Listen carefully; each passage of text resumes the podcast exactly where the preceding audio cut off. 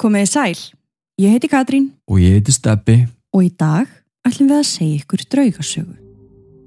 Sögur um hótel er í uppáhaldi á mörgum og ég held að spili inn í að hver sem er getur heimsótt þau.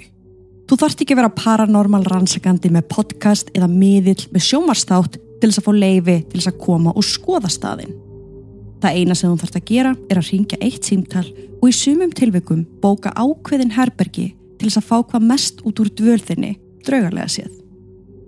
Í dag ætlum við að taka fyrir eitt slíkt og án þess að íkja þá held ég að þetta sé með þeim glæsilegri sem við höfum tekið fyrir. Við erum stödd í San Diego, nánartildekið Coronado, þar sem ríka fólkið heldur sig. En andar spyr ekki um aldur, kyn eða laun ef út í það er farið. Þeir reyðira um sig þar sem þeir vilja og við vitum að hótelið okkar í dag er í miklu uppáhaldi. Veri velkomin á Hotel del Coronado.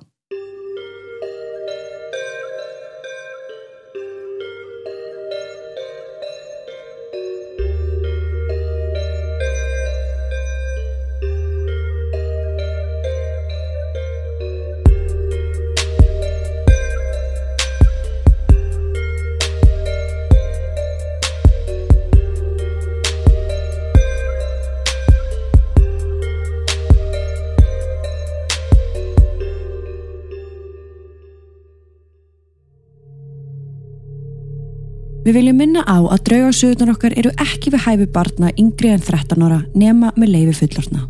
Og með því hefjum við sögu dagsins.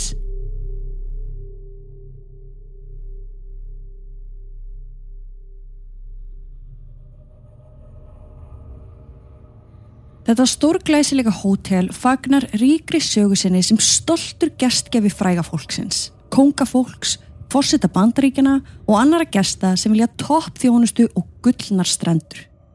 Hótelið var byggt í Coronado sem er borg í San Diego árið 1888 af Alicia Babcock og Hampton L. Story og var það tilnæmt sem sögulegt kennileiti árið 1977. Stopnendur hótelsins, þau Alicia og Hampton ásamt verktakanum Alonso Horton skoðuðu ströndina árið 1886. Engin af þeim hafði neina reynslu í hótelbransanum en þau fengu innblástur af náttúrufegurð Coronado. Þannig að þau ákváðu að kaupa eiguna og byggja þar stórkostlegt hótel. Við erum að tala um eigu? Nei, já. Ok. Já, Vá. af því að fyrst til þess að byrja með þá var Coronado í rauninni bara eiga að það hliðin á, núna er komin brú á milli. Ok, þannig að hún tengist þannig. Já. En þarna áður fyrir þá hafði kannski þurft að fara þarna milli með skip. Já. Ok. Þau vildu að hóteli þeirra yrði á allra vörum og að það myndi halda áfram starfsemi lungu eftir að þau varu farin. Og hér skuliði skoða myndir. Bara til þess að þið sjáuð hvar við erum, hvernig þessi eiga er, hvernig hún er tengd og hvernig hóteli byrjaði. Endilega kíkja á það á patreon.com skástrík draugasögur. Fyrir þá sem ekki sjá þetta, þá lítur þetta út svona eins og blanda af Stanley hótelinu. Á, já, algjörlega. Er það ekki? Jú, Alveg upp við ströndina, upp við sjóin, mhm. nema með þetta Stanley Hotel vibe, þá allt innu kemur svona smá turn, svona eins og kirkjan í Álfabakka í breiðallinu. já, algjörlega. Já, þetta er svolítið sérstætt, mjög fallegt. Í mæ árið 1887 voru um það byrjum 250 karlmenn starfandi við bygginguna og að sjálfsögðu var aðeins notast við gæða við. Í nóvember sama ár voru framkvæmdir að mestuleiti kláraðar og í hæsta törni hótelsins var hægt að finna þar full búin veislusal. Rísastóri Ísvél var komið fyrir. Rafmagni var lagt og húsgögnunum var raðað upp.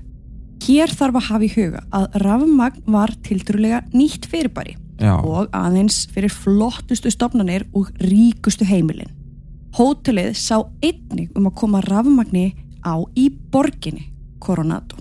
Síðan má ekki gleyma liftunum en þetta hótel var eitt af þeim fyrstu í landinu til þess að skarta svoleiðis luxus.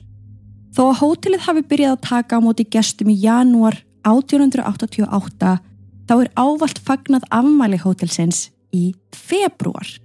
Á þeim degi er þau báru fram fyrstu máltíðina í matsalnum sem er í dag kallaður Room. Matsalurinn var talin vera algjörti listaverk með stórkustlegu útsýni. Frægu ljósakrónurnar sem hanga þar uppi voru hannar af réttöfundunum sem að skrifaði galdrakallin í Ós, sjálfum L. Frank Baum, Mm -hmm. en þær fór ekki lofti fyrir um 1911. L. Frank átti hins vegar heima á hótelinu mánuð í senn allt árið um kring og hann skrifaði margar bækur þegar hann var gestur þar. Árið 1920 var síðan haldin gríðarstór veistla fyrir Englandsprins og sjö árum eftir það var haldin sérstök hátíð fyrir Charles Lindbergh en þar var hann heiðraður fyrir sitt fyrsta sóloflug yfir Allandshafið. Og svo var auðvitað hannaður bæklingur eins og er alltaf gert. Þar sem að talin var upp allur sá lúksus sem gestir máttu búast við á meðan á dvöl þeirra stóð. Gósbrunnar, ávaxtatré, herbergi með garðútsinni, prívat setustofur, tónlistar og biljartherbergi og þeir bættu því meiri segja við að hótelið væri fullkomið sem heilsuhótel fyrir þá sem voru að glíma við veikindi vegna þess að sólinn skein skært og loftið var reynd. Þannig að þeir fóru ekki bara á markaðin að reyna að fá einn ríka og flotta fólki heldur vildu þeir líka fá það sem voru veikir. Já, þetta er mjög flott og þetta týðgæðist líka á þessum tíma þar sem alls konar veikindi voru og sérstaklega bergladnir, Mm -hmm. þannig að reynd loft og emitt sólaljós og þetta skiptir mjög miklu máli. Á þessum tíma gafstu bókaðir herbergi og innifalið í því voru þrjár máltíður á dag sem kostaði tæplega þrjá dólar á dag. Sem var ekki mikið, sko. Ég held við um kíkta á þetta eitthvað áður við byrjuðum að sko 1 dólar í þarna samsvaraði 31 dólar í dag. Já, En ég veit samt svona í þessum greinum sem ég var að skoða mm að það var ekkit endilega talað um að þetta væri neitt rosalega dýrt hótel. ok. Þetta var góðu dýll, við getum sagt það þannig. Það var góðu dýll að fá þetta á þrjá dollara og fá þessar þrjár máltýr með. Þú varst alveg tilbúin í að borga þennan Mhm. pening fyrir það sem þú fegst. Plús þessi gæði, sko. Já, En uppbygging hótelsins kostaði um 600.000 dollara og húsgögnin bara einu sér 400.000 dollara. Þarna var hægt að velja úr 400 herbergjum sem öll voru stór, vel loftræst og tekið var fram á sólinn skeinin um alla herbergisklukka á mismunandi tímum sólarhengsins. já, þannig að allir fengu sól einhver tíman. Það var Einhvern tímann, já. ekkert herbergi sem fekk aldrei sól. Og það er huggulegt. Já, Herbergjum voru teppalöðu með viðarhúsgögnum, þar á meðal svíturnar og setustofurnar sem skörtuðu huggulegum arni. Baðherbergin voru 71 talsins með 71 baðkari og 71 klósetti. já þannig að þarna áttum við okkur á því að það var greinlega ekki baðherbergi inn á öllum þessum herbergjum. Það voru líka baðherbergi greinlega á göngunum Ég skil, já, Já, ok. þannig að fólk sem sagt, ef það vildi fara í bað eða láta renna fyrir sig í bað þá Já. var það gert, það voru þörnur og þjónar til þess að gera það fyrir þig en þú þurfti þá kannski að fara úr herberginu þínu og inn í baðstofuna Ég skil, Skilur. ok. Benjamin Harrison, fórseti bandaríkjana á árunum 1889 til 1893 heimsótti hótelið okkar þegar hann var á ferðalagi um landið. Hann gæti sér á morgunverði og það var þá sem hann myndist á að þetta væri staður sem hann væri til í að eiga heima á. William Taft fórseti heimsótti hóteli líka þegar hann var að sækja ráðstefnu þarna rétt hjá og hann hafði orð á því að þetta væri hans fyrsta almennilega frí í fjögur ár Nú, og þarna átt hann við að þjónustan og aðstæðan væri það góð að hann hafi ekki þurft að lyfta litlafingri. Fleiri fósitar áttu síðan eftir að heimsækja hóteli góða þar á meðal Franklin Roosevelt. ok, þannig að það var alveg fínt og frækt fólk sem var að sækja hann á stað heim. Algjörlega og kvikmyndaðinaðurinn létt sig að sjálfsögð ekki vanda en fræga kvikmyndin It Hot sem skartaði leikoninni Marilyn Monroe var tekin upp á hótelinu og Nú. Charlie Chaplin var tíður gestur þar líka. Nú þegar þið eru búin að heyra sögu hótelsins og skoða myndirnar, þá eru þið væntalega búin að átt ykkur á því að þetta er örglega eitt af flottustu hótelum bandarækina enn þann dag í dag. En hvernig fekk það þetta orðspor á sig að vera eitt af reymdustu hótelunum í heiminum? Allt þetta byrjaði á ungri konu sem var kölluð Kate Morgan. Líf hennar var ekkert merkilegt þannig séð. Hún var ekkert þekkt eða fræg fyrir hún dó. Í dag hafa verið skrifaðar bækur um hana, greinar í blöðin og allir á svæðinu vita hver þessi aumingja kona var. Kate fætist í Iowa árið 1864. Móðurnar dó þegar hún var ung svo hún var sendt til afa síns og hann greinlega ólan upp. Mhm. En um tvítugt kynist hún manni sem hétt Thomas Edwin Morgan og þau giftu sig stuttu síðar. Þau eignast síðan són en honum var vart huga líf og eftir aðeins tvo daga þá lést hann. Eftir að hafa verið gift Thomas í fimm ár hljófst hún á brott með öðrum manni sem hétt Albert Allen. Það samband var ekkert skára en það fyrra og samkvæmt heimildum þá endist það ekki lengi. Lítið annað er vitað um líf Kate fyrir hún byrtist á Hotel del Coronado á þakkagjörðaháttíðinni þann 24. november árið 1892. Hún var vel til höfð og aðlaðandi en hún náði samt greinilega ekki að fela það að hún var óróleg. Það var líka svo litið óvennulegt að hún var ekki með neinar töskur á sér, bara lítið veski sem hún hafði um aukslina. Hún tjekkaði sig inn undir nafninu Mrs. Laurie A. Bernard og sagðist vera frá Detroit. Mm. Hún fekk útlutað herbergi nr. 302 sem er í dag herbergi 3327. Á þessum tíma grunaði engan að Kate myndi láta lífið eftir aðeins 5 daga á hótelinu. Var lögreglun að leita af henni eða? Nei, nei, Nei, hún var bara flúin á brott. hún bara farin, það veist enginn hvaðan hún kom og það sem þótti kannski óvinnulegast var það að í fyrsta lagi þú voru konur ekki mikið að tjekka sig inn á hótel einar. Nei, nei. Þannig að hún þurfti að fara alveg í sérstakka röð. Það voru semst Ó. röð hér þar sem hún fer með manninu þínum Já, og svo var röð hér fyrir þessar konur sem voru einar sem voru alls ekki margar nei, nei, nei. þannig að þarna kemur hún í röðina Já. með engan farangur En samt greinilega peninga til þess að greiða fyrir þessa dvöl. já sko hvort hún hafi greitt einhverja upphæð þarna í byrjun Já, en við vitum að það vantaði einhverja greiðslu í lokin ok. en það virtist samt ekki vera að hana skorti fjö höldum áfram, þú Já. farið svör Ok, kíkjum á það. Kate var prívat manneskja á meðan hún dvaldi á hótelinu en hún talaði þó reglulega við þernurnar sem að þrifu herbergið hennar og letur hennar í bað fyrir hana endrum og eins. Hún sagði þeim að hún var í 24 ára gummul. Það er ung. Já, meikar það eða? Sko, ég er ekki alveg vissum að þetta sé réttur aldur sko miða við það að hún hafi gifst eiginmanna sínum um tvítugt og verið með honum í fimm ár.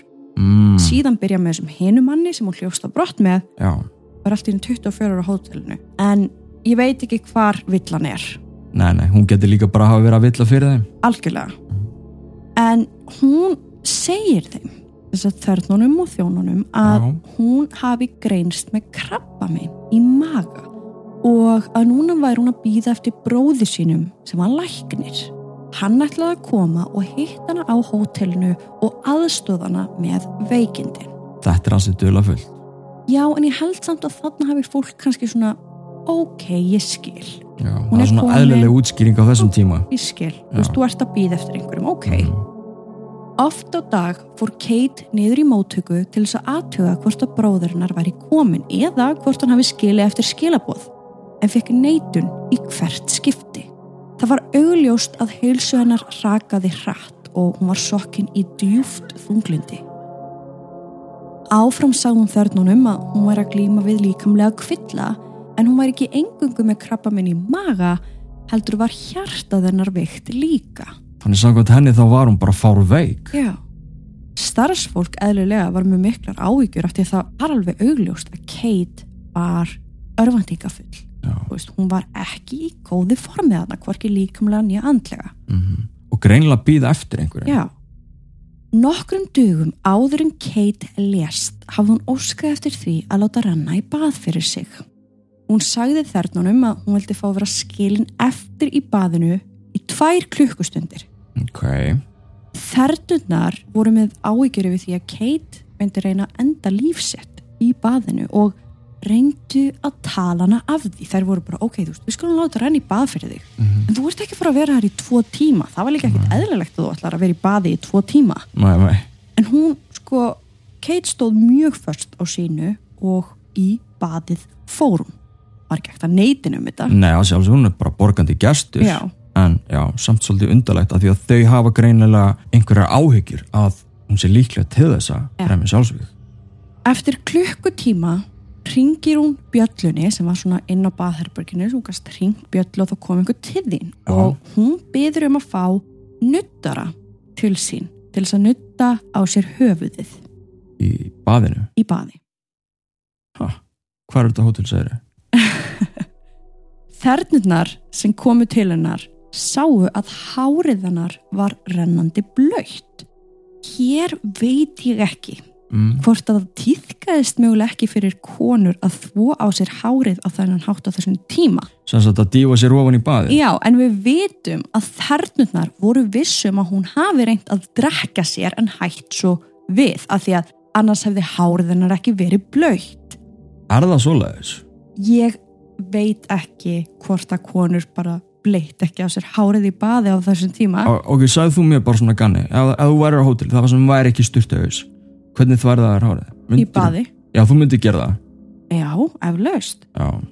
Þannig að ég, ok, ég veit það, það en ekki. það er að draga líkur á því að hún, hafi reynt Já, Ok. já. En líka vegna þess hvernig hún hagaði sér. Kate Auðvitað. var mjög kvíðin og óttaslegin og hún var ekki í góðu standi að ofan í baðinu. Mhm. Sannar íslenska draugasögur er podcast sem við hjónin byrjuðum með árið 2021. Þar segjum við ykkur íslenskar draugasögur sem koma frá óskup venjulegu fólki úr samfélaginu. En öll eiga þau það sameigilegt að hafa upplifað eitthvað yfirnáttúrulegt. Sögurnar eru sagðar í fyrstu personu eins og þar eru skrifaðar og eftir hverja sögu tökum við smá umræði, greinum hvað er að gerast og gefum ráð sé óskað eftir því. Þú finnur 24 þætti af sönnum íslenskum draugasögum á öllum hlaðvarsveitum en síðan eru við líka með áskriftasíðuna patreon.com skástrygg sannar íslenskar. Þar koma út nýjar sögur annan hvert föstudag og af og til koma litlar mínisögur í kaupæti. Til dæmis sagan um skikningáfur þar sem við tölum um og útskýrum mismunandi tegundir af skikningáfum. Hvernig sumir geta séð, aðrir geta heyrt og enn aðrir geta fundið. Þessi þáttur fekk mikið lof á sínu tíma og ef þú telur þig vera næman einstakling þá gæti verið fróðlegt fyrir þig að hlusta á hann. Áskrift á Patreon virka þannig að þú skráir þig og nær síðan í Patreon appið sem er frítt. Þar farðu alla áskrifta þættina inn, getur lækað og kommentað. Fyrir þá sem að kjósa heldur að hlusta á áskriftaþættina sína í til dæmis Apple Podcast þá er það ekkert mál. Við skráningu færðu nefnilega RSS-link sem þú getur copy-pastað inn á þína hlaðvarsveitu og voila, þeir koma hérna í frá allir þangað inn. Patreon rukkar áskriftagjald mánaðarlega og það er engin binding. Svo af hverju ekki prófa eitt mánuð og sjá hvort að þarna sé eitthvað sem heillar þig. Ef þú þarft aðstoð með skráningu, ekki hika við að hafa samband hvena sem er á samfélagsmiðlum eða þú getur sendt okkur e-mail á sannar.draugasögur.com Þann 27. november var greinilegt að Kate var að þjást. Starfsmenn hótelsins vildu allt fyrir hann að gera og vildu endilega sækja lækni handinni, en hún afþakkaði. Hún baðu þó um að sækja fyrir sig í apotekinu svampa sem hún gæti kælt og að færa sér vasklas. Kate var alein og yfirgefin.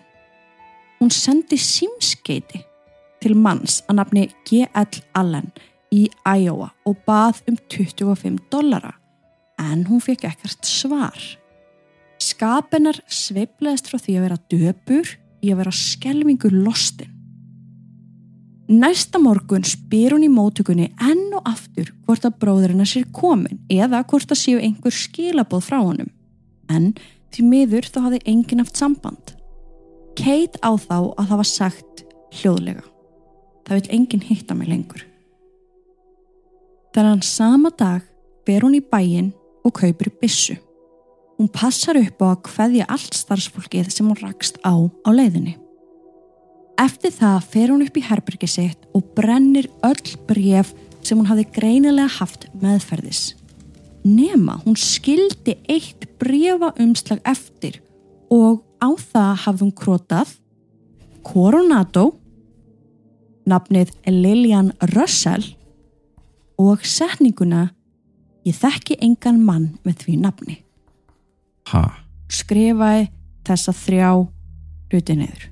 Þetta er mjög skrítið Þetta er mjög random. Coronado, Mm Borgin Lillian Russell Vitum ekki hver það er. Nei. og ég þekki engan mann með því nafni Um kvöldið yfirgaf Kate herbergi sitt á melli 9 og 10. Hún var klætt í svartan þröngan kjól með þund sjál yfir axlirnar. Hún var þögul og yrti ekki á neitt, hvorki gesti nýja starfsmunn. Hún gekk út á verund hótelsins sem vísaði að ströndinni og sjónu. Það var kolniða myrkur og kvast úti þetta kvöld. Hún gekk neyður þrepin að ströndinni og stoppaði þar. Hún starði á hafið og með vindin í andlitinu tók hún í gikkin. Líka með Kate fannst ekki fyrir um áttaleitið morgun eftir. Það var rafvirki á hótelinu sem sá hann að liggja í tröppunum við ströndina. Hann sá hvernig hæri höndinar lá upp fyrir höfuð og þar rétt hjá var bissan. Hann ringir í lögregluna sem var fljót að bregðast við. Það var greinilegt að Kate hafi verið skotin í höfuðið en ekkert blóð var að finna en það var sjórin búin að skóla það burt. Nú, Já, hún var greinilega sko það nálagt sjónum já. að öldurnar náðinni að einhverju leiti en samt greinilega ekki Ok. nógu kröftulega til þess að ná henni út í sjó. Líkinu, já Það var staðfest þarna að Kate hafi framið sjálfsvíg á ströndinni kvöldið áður. En lík hennar var þó ekki kröfið. Líka með hennar var rennandi blöytur og stífur. Þannig að ég veit ekki ekkur þeir tóku þessa ákvörðum kannski fannst þeim bara augljóst hvað konan hafi gert. Já, akkurat. Og líka kannski eftir lýsingum vitna og eitthvað svona hvernig hún er að haga sér. Akkurat. Lögreglan fór því næst inn í herbergiðanar til þess að aðtuga hvort það væru einhverjar upplýsingar um fjölskyldu og ástfinni svo þeir getur látið á vita. Þar inni fundu þeir pillur sem eru ætlaðar fólki með malaríu. Bara heila dollu Já, fulla af pillum. nú er ég engin sjúkdómafræðingur en ég held að malaríu hafa ekki verið tíður sjúkdómur þarna á þessum tíma Mér finnst alltaf ekki líkilegt að hún hafi verið með malaríu. Nei. En ok. Já, já Og síðan fundu þeir umslægið mm. með þessum skriktnu skilabúðum sem við töluðum um áðan. Rannsókn hófst og reynd var að hafa upp á fjölskyldu Kate en þeir fundu enga fjölskyldu í Detroit sem söknuðu konu að nafni Laurie A. Bernard. Muni, hún heitir það á hótelinu. Það veit enginn að hún heiti Kate. Þannig að þeir eru ennþá að leita bara einhverju Lori Já, Bernard já, og það kom svo í ljós að svo kona sem átti þetta nafn, Laurie, Já, hún var lifandi. ó, og þá áttuðu þeir sig á að líklega var þetta ekki hennar rétta nafn. Lögreglan let búa til teikningu af konunni sem þeir vissu núna ekkert um fyrst þeir voru með ránt nafn. mhm, Við látum teikninguna fylgja en með henni var þessi lýsing. 64,7 cm á hæð, ljóst yfirbræð með gildum tónum, meðalant svart hár, tvo litla fæðingabletti á vinstri kinn, hákinnbein, brún augu, þyngd 68 kíló. Aldur um 26 ára, góðar tennur, gullring á vinstri hönd með fjórum perlum og bláum stein í miðjunni. Svört korsett og stór svartur hattur. En hvernig finnst þið teikningi mér? Sko, mér finnst þetta líkjast helst bara ungum dreng Mér líka. sem er sofandi Stutthær, Hún er nefnilega stuttar samt er sagt meðal sítt hár. já, það sést ekki á teikningunni Nei, Mjög skrítið Erum við með mynd af Kate Morgan? nei. Ekki eins og hún var í alvörunni, sko. Nei, þannig að það Bara er engin svona- leið að bera saman Nei. En taktu líka eftir að þeir segja aldur 26 ára. Já, Þannig að ég held að það sé næri lagi. En þið kíkið á þessa mynd og segið okkur endilega hvað ykkur finnst Já. kona að nafni Mrs. Willy heyrði af þessari ungu konu sem var dáin og var vissum að þetta væri dóttir sín, Lizzie.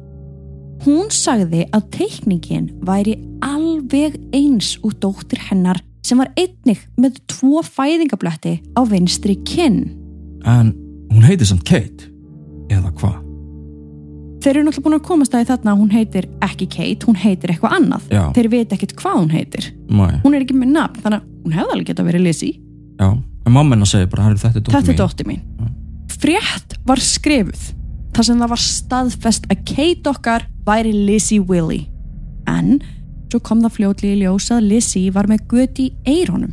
en það var okkar kona ekki með. Ha? Mm Í desember sama ár fekk frú Willi bref frá dóttur sinni Lizzie sem sagðist vera lifandi í Toronto og að hún myndi ekki snúa tilbaka. Þannig að þessi Lizzie, hún var ekki stáin, hún hafði bara farið frá mömmu sinni og byrjaði að lifa sínu líf einhverstur annars þar. Já, Þannig að ok.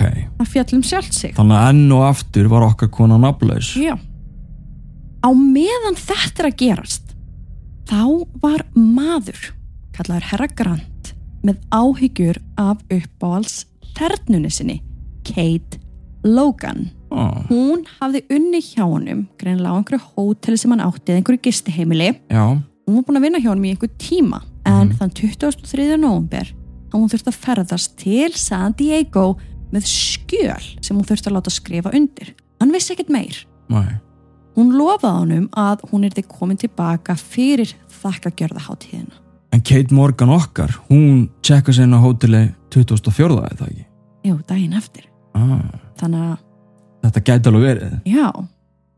Þegar að Kate yfirgaf heimilið, mér finnst líklega að hún hafi búið hjá þessum manni, Já. allavega í grend við hann Mm og hann segir þegar hún fór, þá var hún bara hraust og glöð. Það var ekkert aðinni. Mhm. Það var bara flott kona og duglegi vinnu. Og hún skildi allt dótið sitt eftir af því að hún ætlaði jú bara rétt að skreppa. Hún tók ekkert með sér, en hún sást aldrei aftur.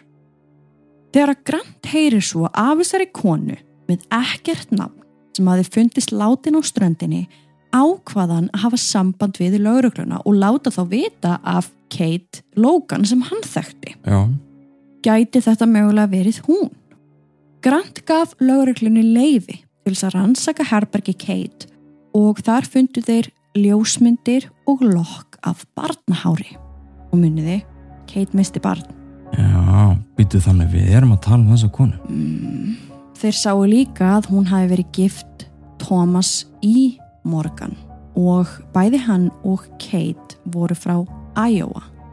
Og eftir að hún skildi við mannin sinn þá væntalega tekið bara gamalt nafn eða nafn einhvers annars sem er þá Logan. Já, sko, það kemur nefnilega síðan í ljós. Já, að Thomas og Kate voru skilin, ok, ok. en Kate var að hitta stjúbróður hans í laumi, mann að nafni G.L. Allen. Býtu, kannastu þetta nafn? Mm Manstu hver það var? Hver er það? Maðurinn sem hún sendi símskeiti til og baði um 25 dollara. Ah, og fekk aldrei neitt svar Nei. tilbaka. Ætli það að verið bróðurinn sem hún hafa verið að býða eftir eða? Býta aðeins. Ok, Fyrst þarna fór boltinn loksins að rúla. Það kom í ljós að Kate og Allen áttu í stormasumu sambandi. Hann var fjárhættuspilari og saman þróiðu með sér smá atriði til þess að hafa fjö út úr fólki. Parið ferðaðist með lest á hína á þessa staði og þar fór Kate út og daðraði við ríka menn. Þegar að mennir sínd henni áhuga sagði hún þeim að hún var alveg til í að enda kvöldið heimi á þeim ef þeir gætu unnið bróður hennar í fjárhættuspili. Flestir voru tilbúinir í að láta á það reyna en að sjálfsögðu þá svindlaði parið í spilinu og hafði af þessum mönnum peninga. þannig að þetta voru bara atvinnu glæpamenn og svindlarar. En síðan fara þau að rífast illilega sem endar á því að Kate yfirgifur Allen og fer að vinna hjá Grant. Þannig að hún bara, herri, ég nenni þessu lífi ekki lengur. Ég er farin og ég ætla bara að fara að fá mér þessa vinnu hérna. Við vitum að Kate fór til Coronado til þess að hitta einhvern.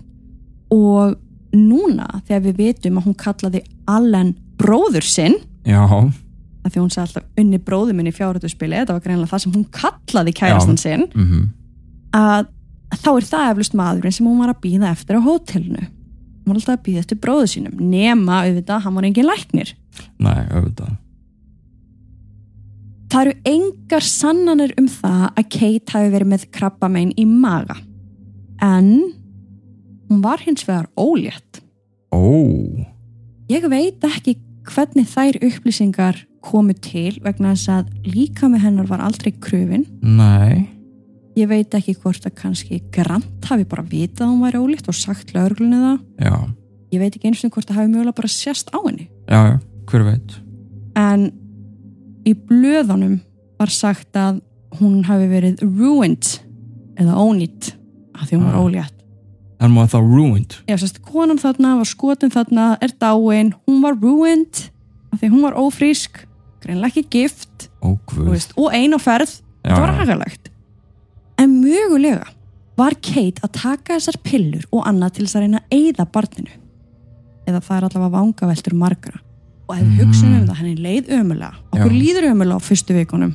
já, Hún er með eitthvað í maganum, hún talar um að vera með krabbamenn í maganum og er síðan með mjög dubjus pillur inni á sér. já, getum ekki sagt að hún hafi endilega vita að hún var ólétt en kannski vissi hún það og kannski var hún að hitta Alan já væntalega þá basföðurinn eða eitthvað já, til þess að segja hún frá þessu já, en svo kom hann aldrei.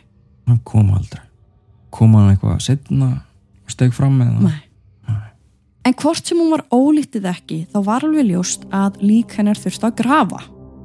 Lögreglan hafði upp á afhennar og þeir sendu honum símskeiti þar sem þeir spurðu hvað hann vildi gera við lík hennar. Þeir sendu símskeiti á fleiri fjölskyldummeðlumi en afinn var svo eini sem svaraði og hann sagði grafið hana. Já, Ekkert meir. ekkert annað. Svo það var gert. Hún var jörðuð skamt frá hótelinu í Mount Hope kirkigarðunum í San Diego. Engin fjölskyldumeðlumur eða vinir fylgd hennir til grafar. Bara nokkrar konur sem hefðu hitt hana einu sinni eða tvisar. æ, æ, Þannig endar sagan hennar Kate. Eða það hljómaði allavega þannig. Þanga til árið 1980 þá byrjar lögumæðurinn Alan May að grúska í þessu gamla óleista máli og þá kemst hann að því og hlustaði nú, já, hann kemst að því að byssukúlan sem var tekin úr hefði Kate eftir að hún lést hefði ekki geta komið úr byssunni sem fannst á ströndinni ha, Kúlan var ekki af þeirri gerð og því ómögulegt að hún hafi framið sjálfsmorð. Búm! guð minn góður þannig að einhver hefur plantað Jep. þessari byssu Já. Sem átti ekki neitt sammeðilegt við kúluna inn í höfðuna Nei, en byrju, hún var ekkert kröfin nei, hvernig veit það hvernig kúla þetta var þeir hafa greinlega tekið byssukúlun úr höfðina og neða eitthvað svo leiðis. já þannig hún var myrt Já. Þessi kúla var allavega, þú veist, pökkuð inn sem sönnunagagn. Byssan var pökkuð inn sem sönnunagagn. já, Allir hefði átt að sjá þessi lauruglumenn sem eru þjálfaðir Mhm. í þessu að þetta passaði ekki saman.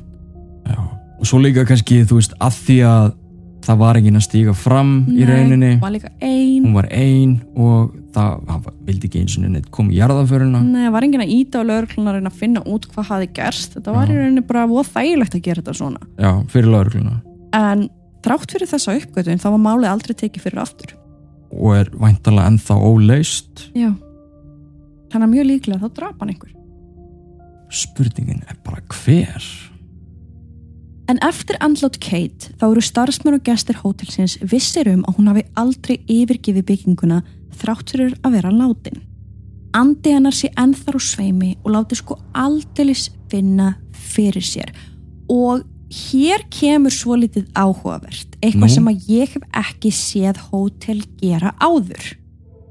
Árið 1992 gerði hótelið samning við paranormal rannsakandan Kristoffer Kakkon um að framkvæma rannsókn á byggingunni í algjörum trúnaði.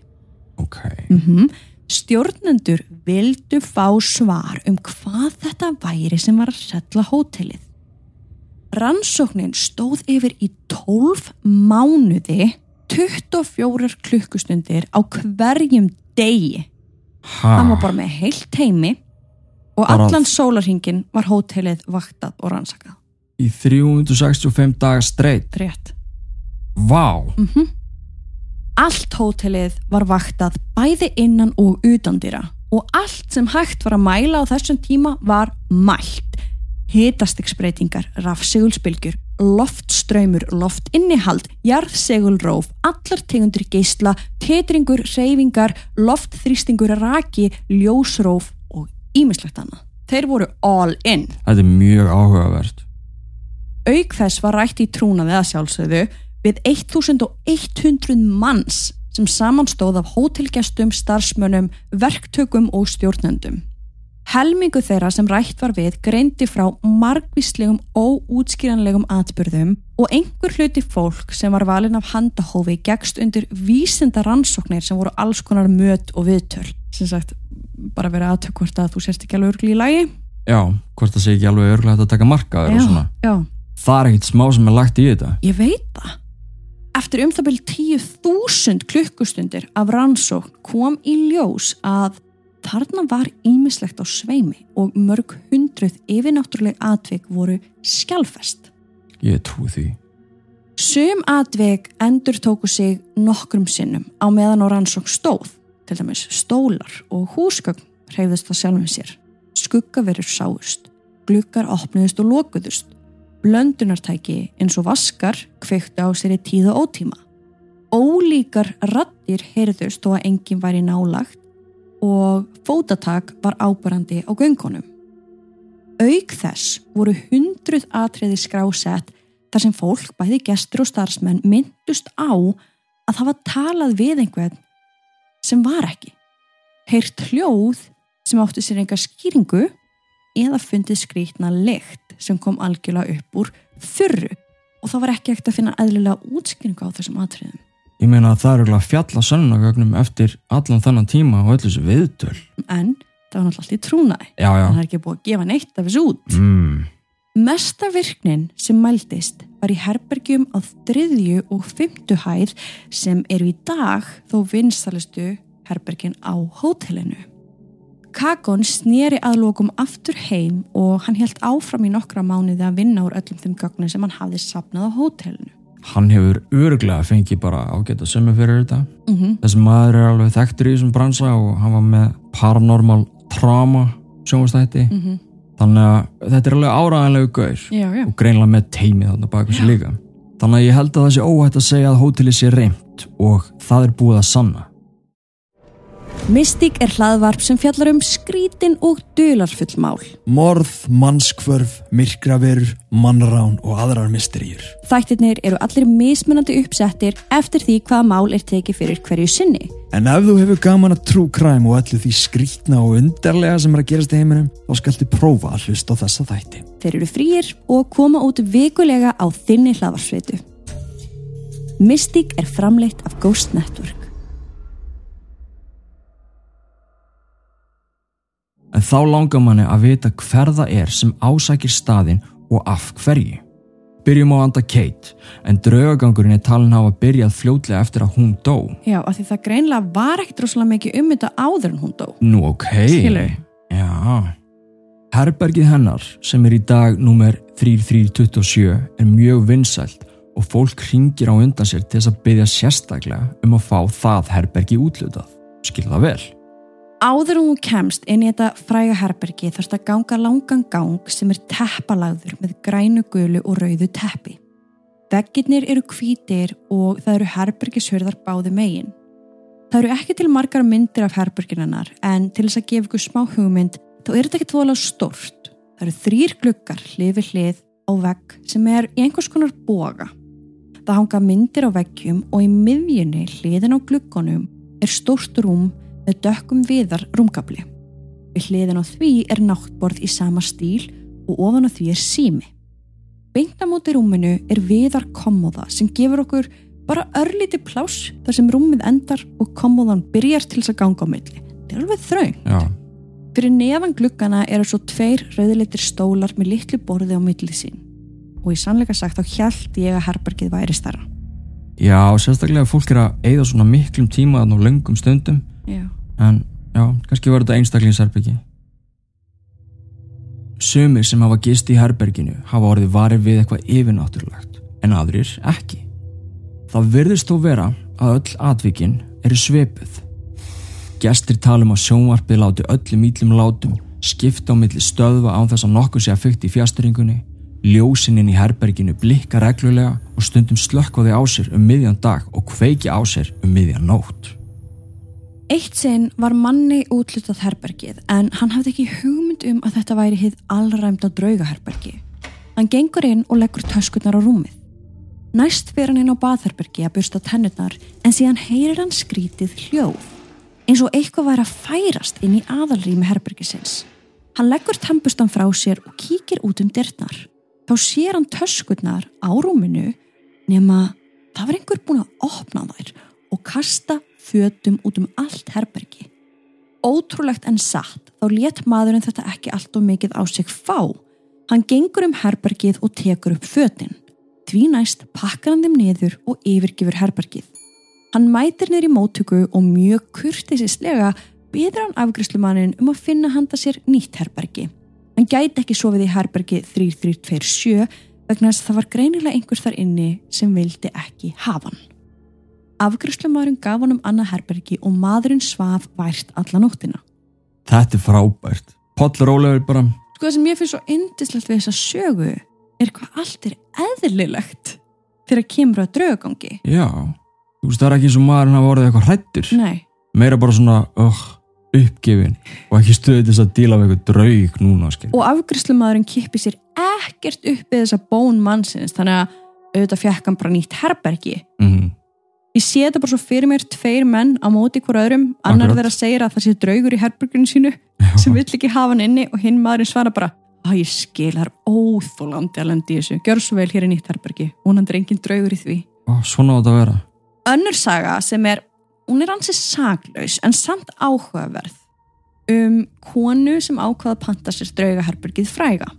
Hann að langaði til þess að skrifa grein um upplifun sína hún mætri herbergið og býður hún var að býða eftir að eitthvað myndi gerast en auðvitað, akkurat þegar þú vilt ná einhverjum sennunagögnum og þú hefur tæpan tíma þá var allt með kyrrum kjörum Já, já.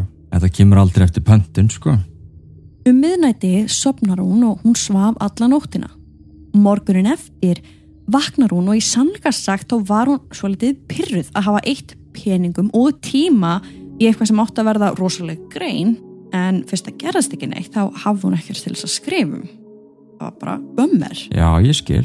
Hún pakkar saman dótinu sínu og tölfunni og sest á rúmið.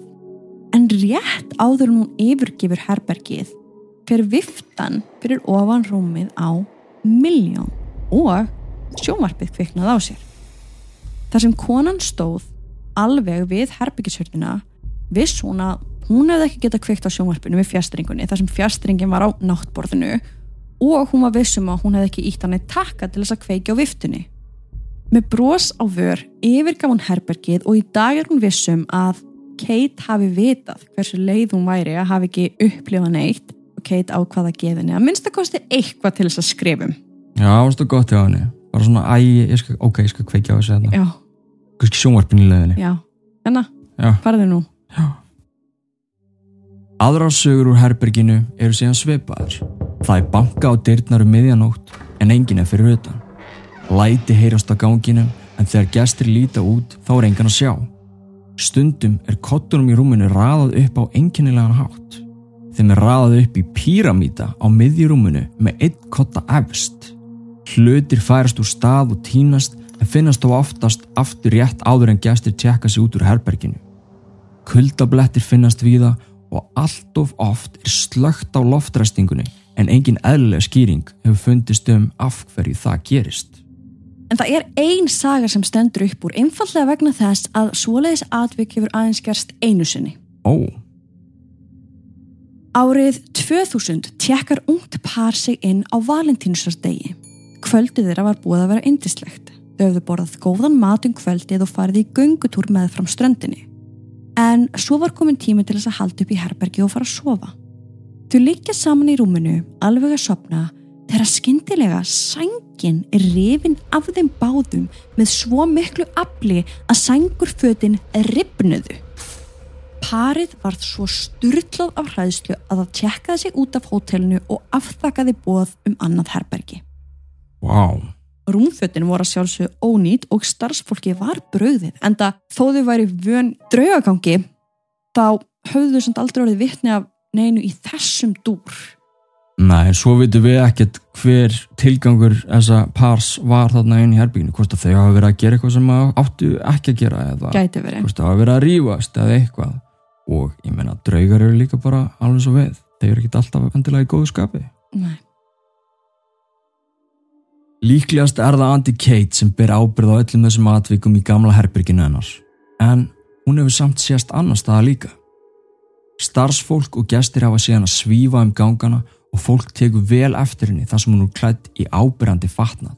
Svartan kjól með stóran svartan hatt á höfðinu en í hvert skipti sem hún fer fyrir hort þá hverfur hún. Það hefur líka sést til hennar á ströndinni. Par sem var að spóka sig í sólinni einn daginn sér þess að grönnu konu standa í sandinum og stara á sjóin. Þau kiftu sér svo sem ekkert upp við það en það voru margir gestur á hótelni og margir á ströndinni þennan sólríka dag. En næst þegar þau líta í átt til konunar þá er hún komin hálfa leið ofan í sjóin og þau sjá hvernig hún gengur lengra og lengra. Þegar aðeins höfuð þennar stóð upp úr spratt maðurinn upp og hljóp til hennar. Hann fór nokkur skref út í sjóin og kallaði að konunni. Hei! Við þetta stoppaði konan en hún leit ekki við og eftir nokkra sekundur hvarf hún. Maðurinn var svo óttaslegin að hann hljóp til strandvarðar og sagði honum hvað hann hafði séð en strandvörðurinn sagðist ekki að hafa séð neitt. Hann hafi tekið eftir mannunum hlaup út í sjó og kallaði einhvern en það var enginn í kringum hann og alveg klárlega ekki kona að ganga út í sjó. Þannig það var bara hann sem sá hana. Mm -hmm. Magnað, elska þetta. Í gjafaverslun hótelsins er lítið horn tilengað leikoninni Marilyn Monroe að því hún var náttúrulega að taka hann upp kvikmynd og hún Já. var alveg tíðu gestur á Mm -hmm. Þar eru alls konar minjar, litlar bækur, styttur og þess áttar sem gestur geta keift sér til minningar. Það undarlega er samt að hlutir eiga það til að færast og kastast úr hillum í þessari gjafafurverslun, en þó engungu í þessu horni. Það er eins og hver sem sé að þessu líki ekkert allt og vel við Marilyn. Ó, Sögur hafa sprottið upp um að þarna sé Kate á ferðinni. Hún hafi engan áhuga á að deila fræðinni með Marilyn. Hún vilja að hóteli sé þekkt engöngu vegna döðsfalls hennar á ströndinni og þess vegna reyn hún að gera allt til þess að skemma hluti sem tengjast Marilyn á einhvern hátt. Og það getur auðvitað alveg vel verið. -hmm. En jú, kannski vill hún að fólk hugsi til hennar þegar það er heimsækja hótelið, en ekki leikurnarnar. Mhm. Og þá kannski einhverju vegna þess að mál hennar var aldrei rannsakað. Það var aldrei lokað, Nei, það var aldrei upplýst. Og við höfum svo oft einmitt um bara fólk sem er myrt og veist, Mhm. fólk vill fá eitthvað closure, það vill Já. að máli sér leist. Auðvitað. Ég ákveða grúska aðeins meira til þess að aðtöku hvort það væri eitthvað annað döðsfall tengt hótelinu. Við getum alveg gefið okkur að einhver döðsfall af náttúrulegum orsökum hafa orðið í einhverjum herbergjum eða jafnvel sjálfsvík sem hafa ekki rætað í blöðin. Ég fann samt eina svoleiði sögu en hún fjallar um þernu sem vann á hótelinu þangar til einn daginn hún fannst inn í herbergi á fymtu hæðinni þar sem hún hjekk í loftinu. Aumingja konan hefur þá fram með sjálfsvík en við vitum ekkert hvenar eða af hverju og manstu eftir rannsóknina Mm hans Kristoffer Já. að þá er talað um að þriðja hæðin og fymta hæðin Já. séu sem sagt að sé mest að gerast þar. Og þetta er á fymtu hæðinni. Já. Líklegt þykir því að andi hennar sé einni á svæðinu og það getur vel verið vegna þess að eins og við sögum á hann þá hafa heyrst mismunandi rattir. Já, út um alla bygginguna. Já, þannig að það er ekki bara Kate ein. Og hún líklega þarna á fymtu hæðinni. Já. Og Kate, já, hún er vissulega á þriða hæðinni, en vissulega við sést til hennar á fleiri stöðum. Já. Við vitum að fólk sem deyr skyndilega er myrt eða fremur sjálfsvík er í meiri hættu á að festast á milli heima heldur en þeir sem deyja sáttir með náttúrulegum hætti. Það er vegna þess og þetta verður ekki endur tekið nógu oft að þeir eiga eitthvað óuppgjert í lífinu og eru ekki tilbúinir að sleppa tökum fyrir en þeir hafa lokið í af. Og höfum í huga að tíminn þarna hinum megin í heimi þeirra látnu er ekki svo tíminn okkar, eða mjög líklega ekki. En auðvitað veit það ekki fyrir víst. Það er bara kenning sem hefur sprottið upp eftir að paranormal rannsakandur og miðlar hófi störf. Þannig að eitt ár eða ein öld geti liðið miklu hraðar þeirra megin heldur en hjá okkur. Eða öfugt, jáfnvel. Við vitum ekki af hverju þernan tók sitt eigi líf en við vitum að fólk gerir það almennt ekki nema að það sé örfandningafullt og líði illa hver sem svo ástæða er. Þannig að svo tilfinning er skilin eftir í rýminu, í byggingunni eftir að líkaminn deyr. Sömulegis ef við skoðum sögunina Kate þá var hún á hótelinu í fimm daga. Það er vitað og skrásett að hún var alls ekki upp á sitt besta, virkilega veik bæði andlega og líkamlega og aftur þá er svo orka skilin eftir þegar hún lætur lífið. Tölum svo ekki um þessa uppgötun með byssukúluna að Já. hún hafi ekki geta komið úr byssunni sem Kate fannst með á ströndinni. En ef hún framdi ekki sjálfsvíg, hver drapana þá? Einhver skautana en hver? Þetta er spurning sem við fáum líklegast aldrei svör við en það er svo langt síðan það aðtök átti sér stað þannig að ég stór ef að það sé einhverju núna að fara að grúska í þessu máli. Pottið, Ég held sko. að komi aldrei nei. svör. Það verður bara alltaf óuplýst. Það gæti samt vel verið að Kate sé ekki tilbúin að halda áfram fyrir hún nái fram einhverju réttlæti. Þess vegna eigður hún dögum sínum á þessu fallega hóteli og mögulega ef við hlustum vel og skoðum réttu staðina gæti hún gefið okkur vísbendingar um hvað gerðist þessa örlugaríku nótt en auðvitað er það samt ekkert víst. Líklegast eru þarna á sveimi fleiri andar en við vitum enga baksögum þá eins og er.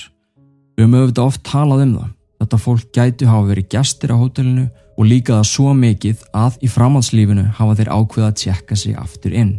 Kanski að eilifu eða kannski bara í skamman tíma. Starfsfólk vill allavega meina að Andy Marilyn Monroe komi af og til í heimsók til sérst hefur til leikonunar bæði á ströndinu og í garðinum. Já, er það? Já, Ó, en hvort heldur sem er þá er þetta merkilegt hótel með einum best skrásetta draugagangi allra tíma. En þau eru með skjöl með vittnesspurðum fólk sem er samt að sjálfsögða ekki aðgengulegur almenningi. mhm. Því það gæti þetta verið slæmt fyrir reksturinn og það vilja eigendur ekki. það er satt. Það er svo oft þannig með hótel sko. Já. Það eru sömur sem að auglýsa út á þetta Mm. og eru bara, þú veist, hei, þið viljið koma til okkar, hér er Já, já. og svo eru önnur hótel og ég veit að mörg hótel hér á Íslandi eru mjög hrætt við þetta því þeir vilja ekki að neitt viti ef það er reynd. Nei, alls ekki. Alls, alls ekki og bara þetta er slæmt fyrir businessin, þetta er slæmt fyrir viðskiptin, bara Og maður skilur þetta viðhorf. maður skilur þetta við þorfum á sama tíma svona í okkar fæi þá er maður svona,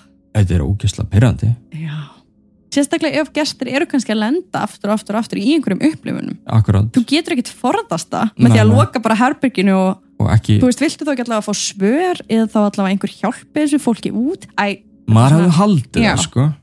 þannig að stjórnendunir á þessu hóteli, þeir eru alveg sniðugir.